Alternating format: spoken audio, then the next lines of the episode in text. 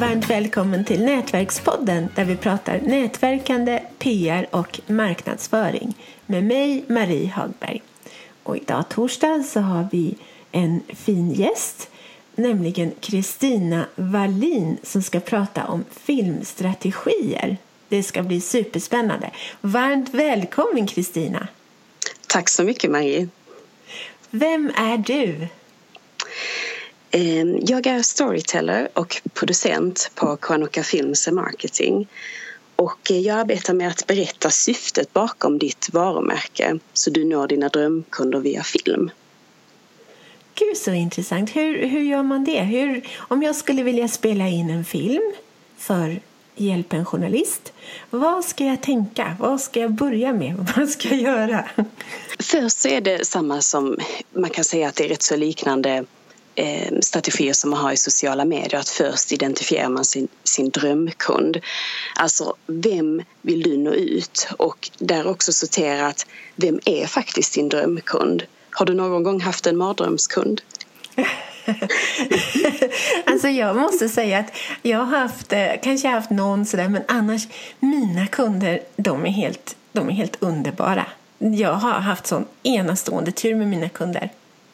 Jättebra. Där har du kanske också gett rätt meddelande från början. För ibland när man har gett fel meddelande så har man attraherat och då menar inte jag att att man kategoriserar människor till att vara en mardrömskund utan att det bara blir fel matchning och att det är det som blir att det blir en mardröm. För att om en person kommer och vill köpa en eh, Porsche och du säljer Saab så kommer aldrig den kunden bli nöjd. Och det är ju inte för att det är något fel på dina bilar utan det är bara för att det har inte matchat. Meddelandet du har sänt ut har inte matchat.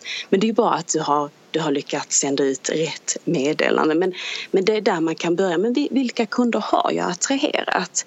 och vilka kunder har varit de som jag har förvandlat till ambassadörer? Alltså vilka har varit mina bästa kunder och vad har, har varit gemensamt med dem? Alltså är det inom en viss bransch eller är det ett visst antal anställda eller har det varit ett visst behov? Alltså allting som du kan identifiera som har gjort att den kunden har kommit till dig. Så att om du sätter dig ner och bryter ner vem du vill nu till, till att börja med som funkar i allt man ska göra om det gäller sociala medier, all typ av marknadsföring egentligen. Men vi börjar där. Och sen nästa steg det är att identifiera vad, vad, har de här för personerna, för, eller företagarna eller vem det är, för utmaningar där vi kan hjälpa till med att ge värde med någonting som är relaterat till det vi säljer. Så i ditt exempel där så gör ju du redan det genom din podd. Att, men om mina kunder är, är dina kunder entreprenörer då skulle du säga eller hur skulle du identifiera? Ja, de flesta är entreprenörer. Ganska många är och har varit författare också. Mm. Ja, men där, där, är också en liten nisch och det är bra. Och, och varför nisch är bra, det, det beror på lite var man är men ofta så måste man nå nischen först. Alltså man kan jämföra det med, med Apple till exempel. De nådde först de här tidiga innovatörerna, alltså nördarna kan man säga, som anammar ny teknik och sedan blev de ambassadörer. Eh, jag märkte det, jag var på en middag häromdagen och då pratade jag om att, eh, vi pratar om iPhone och jag pratade om att ja, men jag låser upp min med tummen. Så var det någon annan som sa, ja men jag låser upp min med ansiktet. Och där sitter en ambassadör för Apple. För att där sitter vi och jämför med vilka tekniker vi har i telefonen. Så att man behöver bara sälja till nörden som sen liksom börja prata teknik med sina kompisar och sen börjar jag tänka att jag kanske ska ha en telefon som, eh, som jag öppnar med mitt ansikte och inte med tummen. Så att först så når du en nisch och när du har konverterat dem då kan, då kan eh, nästa bunt också köpa men eh, det är svårt att nå massan direkt. För det tar väldigt, vi är lite grann som får för att vi vågar inte satsa på, på nya, nya varumärken. Men när en nörd har först använt och sedan kommer de tidiga adapterna och sedan så kan vi fåren då och också börja använda. Så att, så att om man nischar sig och når och pratar väldigt specifikt till en grupp först, som till exempel författarna och konfronterar de flesta författarna ehm, så kan de bli ambassadörer och fortsätta sprida ditt varumärke så att du sen kan nå den breda massan. Så det är därför vi börjar med gärna en nisch i början. Och efter det så, så är det ju vilket typ av innehåll. Och innehållet, om du ska göra film under lång tid, kanske webb-tv, så ska det ju gärna hända någon utveckling. Det ska gärna vara någon förändring, att man upplever att man har lärt sig någonting Eh, efteråt, precis som den här podden igen där, där du har lite samma tänk men här blir det mer att det blir bildmässigt och eh, sedan ska den ha en början, mitt och slut. Så egentligen så är det ju en berättarform och skillnaden är ju att bilden ska lägga till någonting utöver ljudet. Så där får man ju tänka som i ditt fall, vilken bild kan hjälpa till? Och eh, vi har jobbat med webb-tv där vi har blandat, eh, alltså att man går ut på stan och, får, ehm, och, och, träffar och frågar människor spontant på stan. Och då hjälper ju omgivningen till det spontana gör det lite mer spännande att berätta mer. Alltså bilden måste hjälpa till med någonting. Så om man skulle förvandla den här podden till en, till en film så är första frågan vad, kan, vad i bildmaterial kan hjälpa till att ge värde för lyssnarna? Hur tar jag reda på det? Jag, jag, kommer inte, jag har ingen aning om vad jag skulle använda för bilder. I, i ditt fall där, där det handlar om eh, om, eh, där man jobbar mot eh, entreprenörer som vill ha nya marknadsföringsstrategier till exempel så kan ju det vara mycket med att man visar. Alltså det kan ju, där kan man ju tänka lite mer tutorials till exempel. Att man visar hur man, hur man lägger upp eh, sponsrade inlägg eller hur man, som, som i, om, om, om jag skulle göra webb-tv så, så skulle det vara hur man gör film till exempel och då passar ju sig bilden väldigt mycket men det är ju det som också är viktigt. Kanske du redan har rätt format till din berättarform, till det du vill berätta. Så att bilden måste ju lägga till någonting och då är det att nej mina, jag har pratat med mina kunder och mina lyssnare de vill kunna se. De vill kunna se när jag, eh, hur man ska marknadsföra, alltså var man ska klicka någonstans eller, eller hur det kan se ut. Så har du någon bild du kan tänka dig som skulle ge mervärde för dina lyssnare? Mitt mervärde brukar vara att ibland när andan faller på så, så ber jag få en bild av den jag har intervjuat. Så jag tar gärna emot en bild av dig, Kristina. det, det ska du få. Nej men absolut. Det, det, det kan ju vara eh, när man filmar en intervju så, så får man ju andra uttryck. Man får kroppsspråk och man får ansiktsuttryck. Så att det kan ju vara argumentet till varför man vill göra en webb-tv istället för en podcast. Att man vill, man vill ha mer uttryck. Så det kan ju också vara väldigt enkelt. Men, men generellt så, så de vi arbetar med, de jobbar med att bli experter inom sitt område och kanske, kanske använder film till att göra e-learning-kurser till exempel. Och där har vi World Maritime University eller Malmö högskola som vill vara ledande som universitet.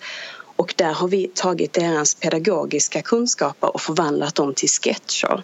Wow. Och eh, det är ju väldigt eh, roligt och det, det, är så glädjande att se lärare som, som engagerar sig och blir skådespelare. Så får man verkligen vara man får verkligen vara ärlig i den situationen och se om det funkar och hur det funkar för läraren att uttrycka sig. För det är inte alla som har de kvaliteterna som det krävs för att göra en sketch. Men ofta så är det alltid någon på arbetsplatsen som har de kvaliteterna och då är det kul att ta fram det.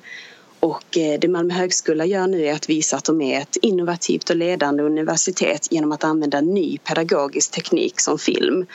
Och därav också twista inlärnings ehm, metoden Att istället för att stå i ett klassrum som en, som en föreläsare, som man också behöver naturligtvis, men så lägger, kompletterar man det med film.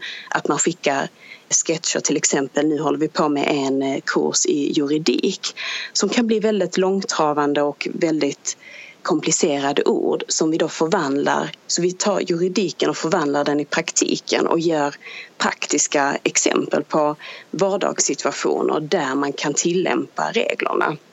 Så det är ett exempel när man har något väldigt komplext och vill vara ledande i, ehm, i förmågan att lära ut och därav använder film som e-learning.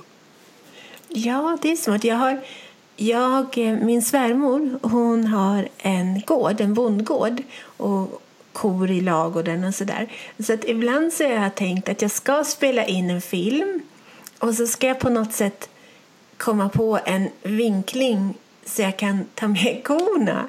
Eller när jag liksom ger dem hö eller sådär.